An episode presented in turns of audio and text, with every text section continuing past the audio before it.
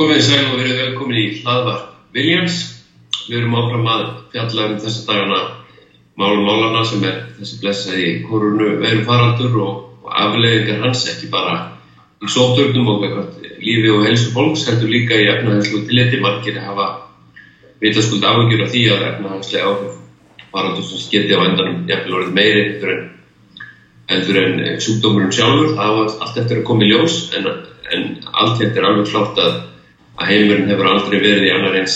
efnahagslega stöðu að þetta fara meirinn hundra ár aftur tíma til þess að finna eitthvað viðlíka og, og þá er efnahagskerið heimsins og þetta allt annað heldur nú. Ferðarþjónustan er líklega svo aðvunugrein á Íslandi sem hefur farið hvað verst út úr þessu og ofan á ímis áfall sem hefur höfðu dunið á þessum, þessari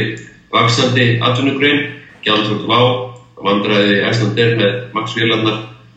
verkvöld sem að voru núna fyrir nokkur missinum síðan. En svo er núna nánast búið að loka landinu og það sem meira er að það er ekkert útlitt fyrir að ferðar þjónusta hefjist hér uh, á næstunni. Það veit engin raunar hvaða dagsetningu er eins og verið að miða við í, í sambandi. Til þess að ræða þetta hérna við með eru tveir sérfræðingar uh, í þessu máli komnir. Þau eru Jóhannes Tór Skúlason sem er framkvæmstur í samtaka ferðarþjónustunar og Bjarnir Hallstóttir sem er formaður sömu samtaka. Verið velkomin. Takk. Ég myndi byrja á, á formanunum Bjarnir. Uh, þó að þetta sé klísja þá er þetta náttúrulega fordæmulösi tímar en ég hef samt á tilfinninguna að kannski utan ferðarþjónustuna gerir sér ekki allir grein fyrir því hversu staðan er alvarleg. Nei, það, maður geti haldið það snundum allavega en, en ég er nú búin að starfa í ferðarþjónustu í um 30 ár samfleitt og allar krísur og öll vandræði og, og allir örðuleikar sem við höfum hingað til horstu í augu og þeir hafa nú verið nokkrir þeir blikna algjörlega saman fyrir þetta. Þetta er einn fullkomni stormur og bara móðir allra krísa þess að maður segja. Við erum hreinlega að upplifa það að að það er 100% tekjufall hjá stærstum hluta allra ferðarþjónustu fyrirtæki í landinu. Þannig að maður þarf ekki að vera neitt sérfræðingur í rekstri til þess að sjá að líkt gengur ekki viðkom saman án einhvers konar yngreifan mm. það sem við viljum halda, halda greinin á lífi. Og Þetta var þetta rosalega þögg fyrir nokkur vikum þegar þessar fyrstur ástafan voru kynntar og og þó manni finnist sko ára dagur síðan og þá hérna, var mikið áfall þegar Trump tilkynntum sína lókun og svo Európa-sambandi en nú er þetta auðvitað bara orðið hérna, varanlegt um, um, um, um langa hríð allavega til dæmis hjá Európa-sambandi til 15. mæ og það sem meira er að við, við getum nánast sagt það að ferðamanna sömurinn 2020 sé bara að sigla hjá Já, það er allt útlitt fyrir það. Staðan vestnar er bara með hverjum deginu sem líður. Það verður alltaf svartara það sem er framöndan og við náttúrulega vitum ekki ennþá hvernig sótvarnarleiknir afleittir eða hvernig ferðartakmarkanir með hvað hætti þarf verða og ennþá síður vitum við hvernig ferðartakmarkanir okkar, okkar markasvæðin verða. Þannig að, að þetta er í rauninni fullkomins óvisa núna og eins og útlitið er náttúrulega þá þá er það bara þannig að þetta sumar sér farið og jáfnvel eitthvað meir en það. Uh. og líklega meir en það. Uh, Jóhannes, ég eftir við fórsettisáðra í, í, í gæri í, í þessu hlaðvarpi meðal annars um stöðu fjárhaldunarstofnun og segðist að þetta gerir sig grein fyrir því að þetta væri gífurlegt högg og nú veit ég að stjórnvöld er að, að undirbúa næsta aðgerðarpakka sem stendur skilsmér til ég að kynna ég að þriðu daginn Þið hafið lagt áherslu á að það verða að forma sérstaklega til ferðarþjónustunni í sambandi bara í ljósi þess hvað þetta kemur ítla við ykkur bæði sumir aðeinar meiga ekki hafa opið, aðrir fá enga ferðarmenn að þeir komast ekki til landsins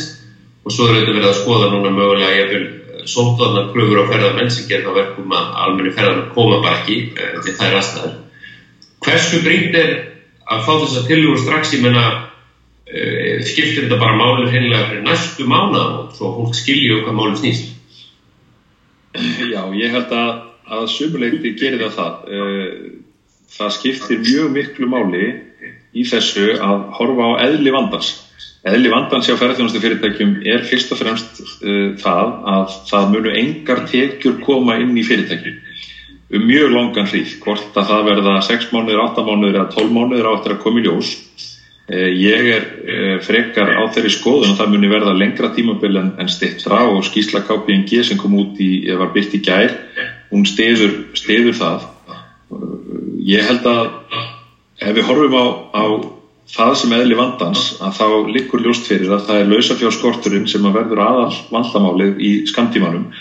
og þar er það launakostnaðurinn sem skiptir langt mestu máli. Þannig að það sem við þurfum að gera er að reyna að stöðva blæðinguna út úr fyrirtækjanum til þess að þau e, nái að halda sér á lífi. Geti þá nýtt að fjármagn sem til er þótt lítið sé til þess að, að e, greiða svona þann grunn sem að þau neyðast til þess að halda á floti og koma til mótsvið. E,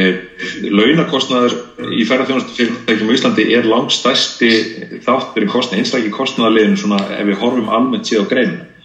og þess vegna skiptir þetta mjög miklu máli og, og fyrirtækin horfa núna fram á það eftir að það voru tekin af tvímali um það hvernig hlutabóta leginn skildi framkvæmt þá sitja þau frammi, að standa frammi fyrir því að þau munu þurfa að greiða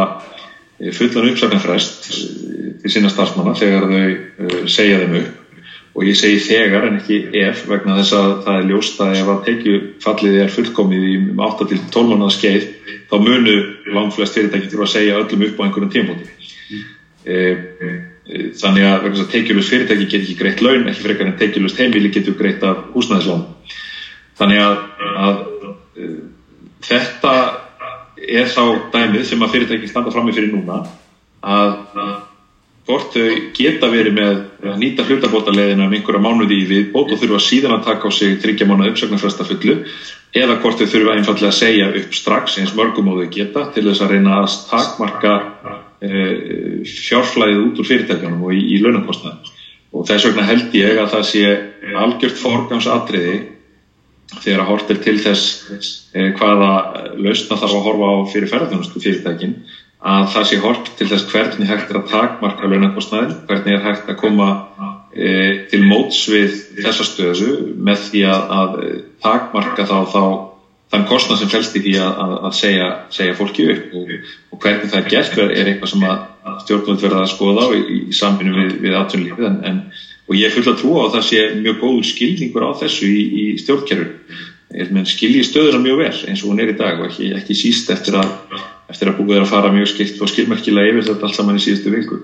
Fort að það næsta að koma þessum aðgerðum inn akkurat á mánda þriðdag það verður aðeins að koma í ljós. En, en, en ég tel að, að allt helt á næstu vikum fyrir og þá þarf að vera búið að, að horfa inn í þessa stöðust Þið eru í rauninni að segja mér uh, að það er bara mjög mörg fyrirtæki sem að munu fyrsta lagi er að eiga erfitt með að greiða laun um næstuð mánuðamót, hvað þá að segja fólki að fá marga á uppsakmarfrest eins og þyrtið að gera. Því er bara, það er staðan er ekki þannig að því að nú eru auðvitað margi sem að horfa á mjög stór þekkt ferðarþjónustu fyrirtæki og, og velta fyrir sig hvort það sé ekki til tölveri peningar í kassanum og hvort að menn hafa ekki gert ráðstafanir til þess að að eiga sjóði harpa hans læg. Jú, þetta er alveg rétt og mér langar að nefna tvo hluti í þessu samingi. Í fyrsta lagi einstakdæmi og svo í öðru lagi svona kannski heldasí. Í fyrsta lagi sagt, getum við horta á dæmi um ferðjónustu fyrirtæki, svona klassist fyrirtæki sem er, e, af, af nokkur í stæðis reyndar, e, hérna hótel sem er með með milli fjögur og, og, og, og rúmlega fjögur 500 herbyggi í, í nokkur meiningum og þetta er bara raundæmi þar sem að það fyrirtæki var með um það byrju 150 miljónir í, í lausafér þegar þetta hófst fyrir mánuði síðan. Átti útistandandi um 230-50 miljónir í viðskiptakröfum á aðra. Þær kröfur hafa ekki verið greittar vegna þess að í lausafjárskorti hætti allir að borga reikningana sína. Og uh, staðan í dag hjá þessu fyrirtæki er svo að það eru 50 miljónir í lausafíi kassanum en til þess að greiða þryggja mánuða uppsöknufrestir alla starfsmenn í 170 miljónir og svona er ástafs um mörg fyrirtæki og þetta fyrirtæki er fyrirtæki sem er búið að vera í rekstri lengi. Uh, hérna, það, það er 20 ár það hefur verið velreikið, það hefur fjárfest í uppbyggingu Eh, ekki verið að taka út einhverja stórar arðgreðslur og svo framvegs þannig að hagnarum fyrirtækinu hefur farið í uppbyggingu. Og e, þetta er skilgreiningunni vel rekið ferðarþjónustu fyrirtæki e, og svona er ástæð um gríðarlega mörg fyrirtæki og ég myndi segja meiri hlutan af ferðarþjónustu fyrirtækjum þau eru í þessari stöðu. E, ef við horfum í öðru lagi á heildarsvið þá skiljið það vel að menn velti fyrir sig býtu fyrirtæki sem er búið að vera í góðum rekstri á það ekki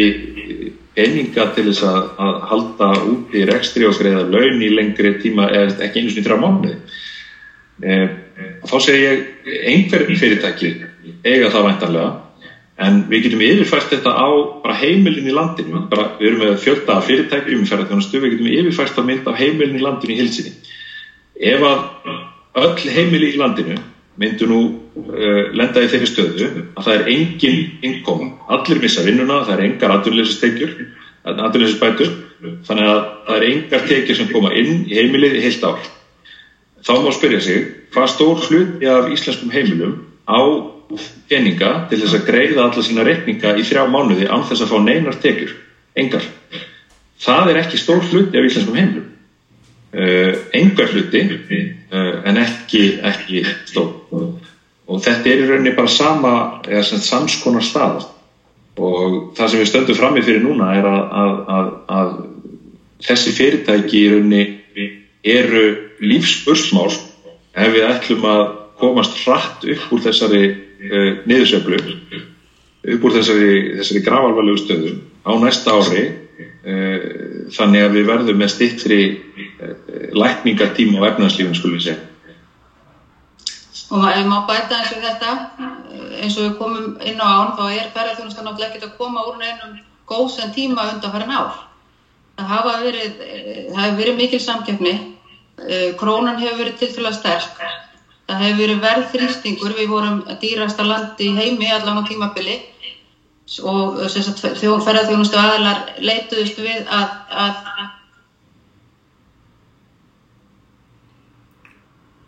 Jóhannes, þú voru að taka tímabindi við, hún, Já. er átt, hún Bjarniður.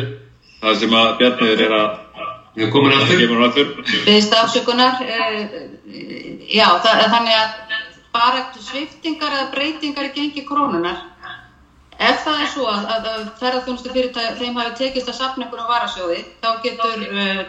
segjum bara 10% breyting, 10% styrking í íslensku krónunar, þurka þann sjóð upp á einu ári, bara mjög auðvelt og þetta gerist reglulega í rekstri íslenska ferðarþjónustu fyrirtækja. Gengi krónunar, það gefur tækifæri stundum til að sapna í sjóð, en svo þurkast hann út jáfnvel uh, árið eftir. Þannig að uh, þetta er bara veruleikin sem blæsir við í, í þessar atvinnum. Þurfum við líka að horfa á það, þá staðrænt hvernig Íslensk ferðarþjónustu er byggð upp. Hún er ekki byggð upp af stórum, mjög sterkum og viðtækum fyrirtækjum. Hún er byggð upp af 85-90% fyrirtækjum sem eru örfyrirtæki á skala OECD. Það er að segja með 10 starfsmenn eða færri. Og Íslenskt atvinnulíf er almennt byggt upp af litlum og meðalstórum fyrirtækjum, 60%. En Íslensk ferðarþjónusta er byggð upp af litlum og meðalstórum fyrirtækjum eh, 90%. Þannig að þetta eru lítil fjölskyldufyrirtæki, lítil staðbundin fyrirtæki sem að hafa verið að, byggja upp atvinnulíf á sínum stöðum, verið að standa undir lífsviðværi eigenda og, og starfsmanna. Þetta eru ekki fyrirtæki sem eru búin að vera að sapna í stóra sjóði og greiða út gríðarlegar artgreiðslur í, í vasa eigenda sem. Það er bara einfallega ekki staðan og það er hægt að, að fá staðfestingu á þessu í bara hjá, hjá hvaða stofnum sem er, hvort sem er hjá skattinu með selabanka eða hagstofu. Svona er bara staðan. Já, oft notar, notar þessi, þessi litlu fyrirtæki ef þeim tekst að skilja ykkur um hagnaði á sumum árum, þá það, hefur það undanfæran ára oftast verið notað til þess að fjárfesta frekar í, í fyrirtækinu. Eins og við vitum, þá er orðið gríðarlega fjárfesting um allt land í greininu og það hefur einmitt verið gert svona, eins og, eins og, erum, eins og Jóhannes var að lýsa. Þannig ykkur finnst þegar að aðtiklinni beint að fyrirtæki á borðið Bláa Lóni sem hefur greitt, greitt á tá og fingri á undanfjöldum árum, greitt tölvöða peninga í arð og staðið þetta í mikil fjárfestingu en, en fer svo hlutabótilegðin að ykkur finnst það að vera ósangjöld svona lýsing á atvinnugruninni í heilt. Já, ég tel að það sé reyndar bæði ósangjöld framkoma við bláalónir, hvernig, hvernig það hefur verið sett fram að mörgum umræðinni, en, en ekki síður bara ósangjöld svona alhæfingum um íslenska ferðarþjónustu eh, að, að öll fyrirtæki séu á þessum, þessum, þessum að þessari starra gráðu og, og slíkt. Blálónið er afar velreikið fyrirtæki en það hefur líka fjárfest gríðarlega mikið eh, og er afar mikilvægt í íslensku ferðarþjónustu og, já, og, og, og ég held að, að við verðum að, að horfast í auðvið það í umræðinni þá eh, umræðan snýst oft um, um kema vandamálum og við verðum að horfa á vandamálinn í heilsinni eh, og það er bara staðrind að, að ferðarþjónustan er alveg eins og aðra ratfunugreinar mjög fjölbreytt en hún er hins vegar sérstökast í leiti, hún er uppbyggð að stærri hluta af litlum og meðastórum fyrirtækjum heldur en aðra ratfunugreinar í landinu. Með það stöðuna sem komur upp, nú sagði fórstæðsvæðar líka við mig að það væri, er þið ekki hægt að bjarga öllum. Eh, þið eruð að tala um eh, fyrirtæki sem voru í helbrunum rekstri, geta lett í alveg stórkonsla vandræðum og sjá raunin ekki fyrir endan á, á, á því sem framöndan er. En, en er ekki sagt að þetta horfa líka með raun sem hægt á því að þeir sem að voru e, komnir í kannski vandræði yfir skuldsett annars líkt að það munu aðeinar í þessum gerð að þurfa að fara í þrótt og það verða líka mögulega einhver uppskipti eins og þú sagði þetta er mjög mikið að líktum aðeilum e, þurfa aðeinar í ferðarþjónustíki líka einhverjur að koma saman og stækka sínar einingar til þess að geta ráðu við það sem er framöndan er Jú, ég held að það séu allir búin að gera sér grein fyrir því að það lifa þetta ekki allir af. Það, það bara likur fyrir. En e, það hefur náttúrulega mikið verið rætt um saminningar og hægraðingar í ferðarþjónustundum farin ára og það hefur vissulega, vissulega verið stígin skref í þá, þá átt og mætti öruglega gera meira af því. En við meðum heldur ekki að gleyma því að það er eins og margir bókum inn á hérna það er mikið af litlum fjölskyldufyrirtækjum litlum einingum, litlum sérhæðum einingum sem bjóða sérhæða þjónustu fyrir sérhæða markkópa og þessi fyrirtæki þurfa líka að vera til við þurfum að geta bóðið upp á fjölbreyta flóru í ferðarþjónustu til þess að geta annað eftirspöld mismunandi markkópa og það er eitthvað sem við viljum alls ekki sjá að þess að þetta verður allt saman steikt í, í sama móti eða sett inn í einhverja keðjur. Sumt já, en annað bara alls ekki. E, Skiljið það rétt að ef að ekki koma núna næstu dögum einhverjar alvöru tilugur varandi það að leysa þessi launamál að, að finna einhverja leðgar að ferða þjónustin í helsinni í þeim efnum að þá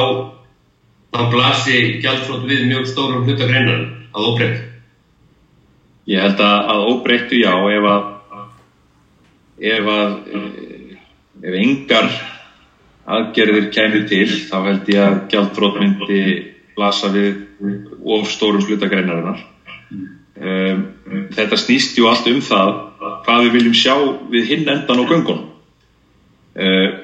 og við verðum að horfa svolítið á þetta þannig. Þess vegna þurfum við að horfa á hérna, vandamálið í allir sinni stærð. Vegna þess að við hinn endan á, á þessu þegar að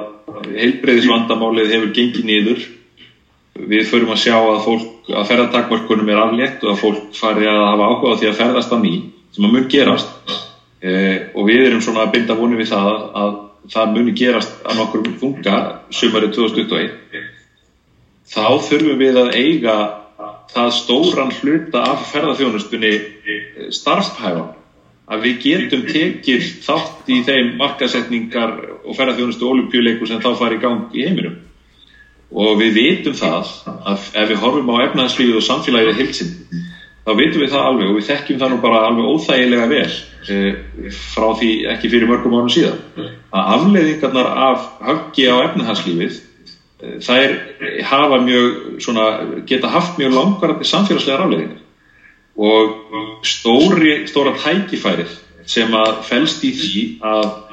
verja nægilega stóran hluta af ferðarþjónustunni sem aðtunumgrein þannig að geti, hún geti tekið við sér og sprottið af stað á ný sumari 2021 nýtt háanina þar og árið og vonandi eitthvað fyrr en að minnstakosti þá tækifærið sem þar er í bóði er að við verðum fljótari að ná okkur upp úr kreppunni. Við náum okkur fljót, fljótar af stað efnahagslega að ríkisjóður fái fyrr, herri skattekjur tilbaka til að fylla upp í gati sem nú er verið að búa til með kostnaði að samfélagslegu áhrifin af uh, því að fjöldi fólks eru á atvinnleysi skráðum lengri tíma verði minni vegna þess að fólk fari fyrr inn á atvinnleysi inn á atvinnu úræði aftur inn til að vinna fyrir ferðarþjónustun og önnur tengt uh, fyrirtæki og önnur, önnur fyrirtæki atvinnlífunu e, samfélagslegi kostnæðurinn minkar og að lífskjör Íslandinga sem að við höfum byggt upp og undir fyrir tíu árum á grundvelli uppbyggingar í ferðarþjónustum að þau muni ekki skadast varanlega inn í næsta áratug. Þannig að við séum ekki að byrja aftur á núlbúndi, þannig að við séum að fara í tvekja til þryggja ára vandamál en ekki þryggja til fimm ára vandamál varðandi lífskjara uppbygginum. Þannig að þetta er stóra tækifæri sem við fyrir fram á nokkur og hættan er svo að ef að of stór hluti að ferðarþjónustu fyrirtækjunum lendir í mjög alvarlegum vanda, mjög alvarlegum uh, skuldavanda í kjölfarið þessum greiðslu vanda fari of stór hluti af fyrirtækjum sem að í eðlilegu áferði getur verið í mjög góðum rekstri og skila góðri afkomu til, e, og, og góðum hérna, e, tekjum til samfélagsins. Ef stór hluti, of stór hluti af þessum fyrirtækjum bara fer forgörðum, þá mun taka mjög langan tíma að byggja það upp aftur ferðarþjónustu fyrirtæki sem fer á hausin þú, þú stofnar ekki bara nýtt fyrirtæki og ferðar stað eittur og þrýr. Það tekur langan tíma því að við mörum þá glata þekkingu reynslu, viðskipta samböndum sem hafa verið byggð upp um margra ára skeið og, og svo framvegs þannig að, að þetta er eitthvað sem að þetta snýstum að stippa okkur leið í uppbyggunni eh, Nú er ég líka kannski af því að það fara að síka setja hlutan eh, við erum búin að tala um fyrirtækin sem eru í vandræðum, það er líka starfsfólku þetta sem að vinna með þessi fyrirtæki. Margt af því uh, lýsir því sem svo að þetta sé óverulega atvinningreina tilittum til að margir uh, sinni tilfallandi verkefnum, séu við jafnveg sjálfstætt starfandi verktakar og ef þeir eru launamenn þá séu þeir kannski svona daglaunamenn. Og svo er núna verið að rekna út mögulegar bætur og þá koma þeir skjálfilega út í öllum samanbyrðu og finnst ekki að það sé verið að taka utanum sig eins og staðið hafi verið til að gera. Ég vil að horfa fram á það að fá útborgað kannski 100-200.000 krónur næstu mánuðamot sem eru auðvitað mikið högg fyrir fólk sem er að reyna að reyka sín Já, því ég er að reyna með að vitna þarna í fyrsta hljómsdi leiðsögumenn, er það ekki rétt? Já, já, ég meina að þeirra uh, sátu heima helgi eftir helgi og viku eftir viku í vetur þar sem að veðrið var svo vott að það var alltaf appilsinu gul eða rauð viðvörun og, og, og það er bara bein áhrif og hefur svo áhrif á, á tekjundari framhaldinu. Já, ég held að þetta sé nú aðalega leysum eins og þetta dagluna ákvæði á viðum, langt flestir eru náttúrulega í... í... Þetta er, þetta er rétti bjarnið að, að þetta eru að stóru hluta leysögumenn og jú, þannig kemur náttúr. Já, ég held að þetta sé bara engungu leysögumenn sem að þetta á viðum og þetta er náttúrulega bara um, gam, gamli tíminn þegar að ferðarþjónustu var ekki heilsás atvinnugræn hérna. Heldur var nánast engangu 2-3 mánuð á sumnur, þá var ekki, ekki nokkuð maður í þessu fullu starfi. Og þetta er arfleg frá þeim tíma og eitt af því sem að á eftir að aðlaga, eitt af því mörgu. Við hefum orðið ferðarþjónustu land á tíu árum. Og hérna, þetta er eitt af því sem á eftir að leira þetta, þessi svona, kjör þessara, þessara stafstéttar þannig að ég skil vel að, að þessi ónæðum í sína stöðu núna, það er, það er mjög skilinast Já, þeir eru eins og margir aðri algjörlega í lausulofti í lokin eh, stundum hefur verið talað um að, að það sem að opni ferðamannalandinu í Ísland séu eldfjöldin okkar og, og við lendum í heilmiklu höggi hér var þetta gósi eigafallujöfli sem var reyndist síðan til lengta eh, vera mikið tæki fyrir okkur og landkynning og svo framvegis en þessu áttu við kannski ekki vona á að þessi bara búið að loka land og heiminum, ferðarþjónusti í heiminum og ég menna, hvernig segir mér bara í lokin svona út frá mannlegu svona mér, hvernig, ég menna Gáttu þið ímyndað að þessi staða kemur? Aldrei. Eins og ég segi, gósið í eigafællajökli það var reyndist bæði lukka og, og, hérna, og var náttúrulega áfall líka á tímabili og var virkilega, virkilega krísa sem síðan náttúrulega reyndist okkur heitla drjúð þau upp á staði en, en þetta mál, þetta, ég held að hafa ekki nokkur maður haft hugmyndaflug í að, að svona nokkuð getur nokkuð tíma gerst. Og, og fólk er held ég ennþá bara svona ná utanum þetta, ég held að það sé svona hálfur dóði, svona ríkjandi ennþá menn eru svona reyna átt að sjá hvað þetta allt sem að þýðir og ég held að það er bæði við um atvinnulífið og, og stjórnmálin. Við erum svona að, að horfa í gegnum þokuna og reyna að finna, finna rétt og lausnir Já, ég er alveg sammálað þessu. Ég, ég horfið stundu núna tilbaka og er að, er að reyna að rifja upp einhver samtöl sem ég átt við fólk og og segi gætna já ég var að tala við þennan, var það, var það í gær eða fyrir viku síðan þess að dagarnir einhvern veginn renna þessi mánuður sem liðin er hann virðist eins og ár Mhm. þetta er svo skrýtlið tímabill en þess að á fjórum vikum höfum við farið í rauninni úr fjórum til fimm vikum höfum við farið úr því að vera í svona tiltölulega eðlilegu samfélagi og niður í eitthvað sem enginn gæti ímynda sér á þeim tíma og hérna og þetta gerist í rauninni alveg ótrúlega hratt. Uh, og nú erum við þeirri stöðu við þurfum einfallega að horfa inn í það hvernig þetta verður á næstu mánuðum. Og ég held að það blandist engum hugum, hugur um það lengur við erum, erum stödd í því við erum, við erum að upplifa heimsögulega tíma. Og þetta eru dagar og vikur og ár sem verður skrifað um í sögubókum næstu 200 árin. Og hérna það er svolítið sérstætt að vera stattur í, í, í svo leiðis en á þeim tímum kemur jú í ljós úr hverju mann eru gerðir. Og ég held að við hér á Íslandi eigum í rauninni ótrúlega mörg tækifæri. Og við verðum líka að horfa svolítið á það þannig að, að það gengur ekki láta að, að gleima sér ofan í öskustorni. Við þurfum að horfa inn í framtíðina og, og sjá hvað tækifærin liggja hvernig við getum komið upp úr þessu við erum með sterka undirleikjandi stöðu í efnahagslífinu, sennilega þá sterkustu sem við höfum haft í Íslandsögunni mm. Við erum með sælabanka sem getur enn nota tæki sem margir aðrir sælabankar eru búinir að, að í rauninni klára. Við erum með e, ríkisjóð sem kom sér á undraverðan hátt út úr, út úr e, efnahags áfalli fyrir tíu árum síðan og ég held að við getum nýtt þessa stöðu e, mjög vel með skýrum og fömlausum aðgerðum til þess að byggja okkur upp jákvæða stöðu við hinn endan á göngunum þegar við getum komist að staða aftur. Og þegar að upp er staðið hef ég fulla trú að því að dæmið um Ísland muni verða eitthvað sem fylgir þegar sögubækunar eru skrifað í jákvæðum, jákvæðu samengi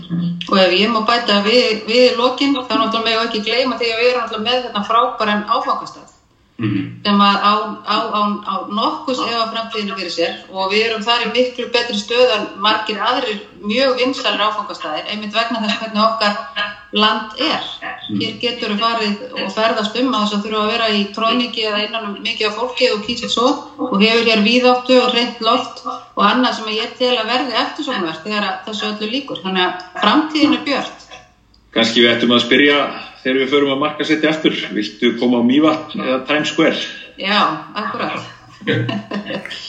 Eða það ekki fyrir spjall, nú gangi ykkur vel. Ég veit að þetta er, þetta er ekki öðvöldi tímar en, en eins og Jóhannes segir. Nú, nú kemur ljós úr hverju það sem eru gerðir. Gangi ykkur vel og kæra það ekki fyrir spjalli Takk fyrir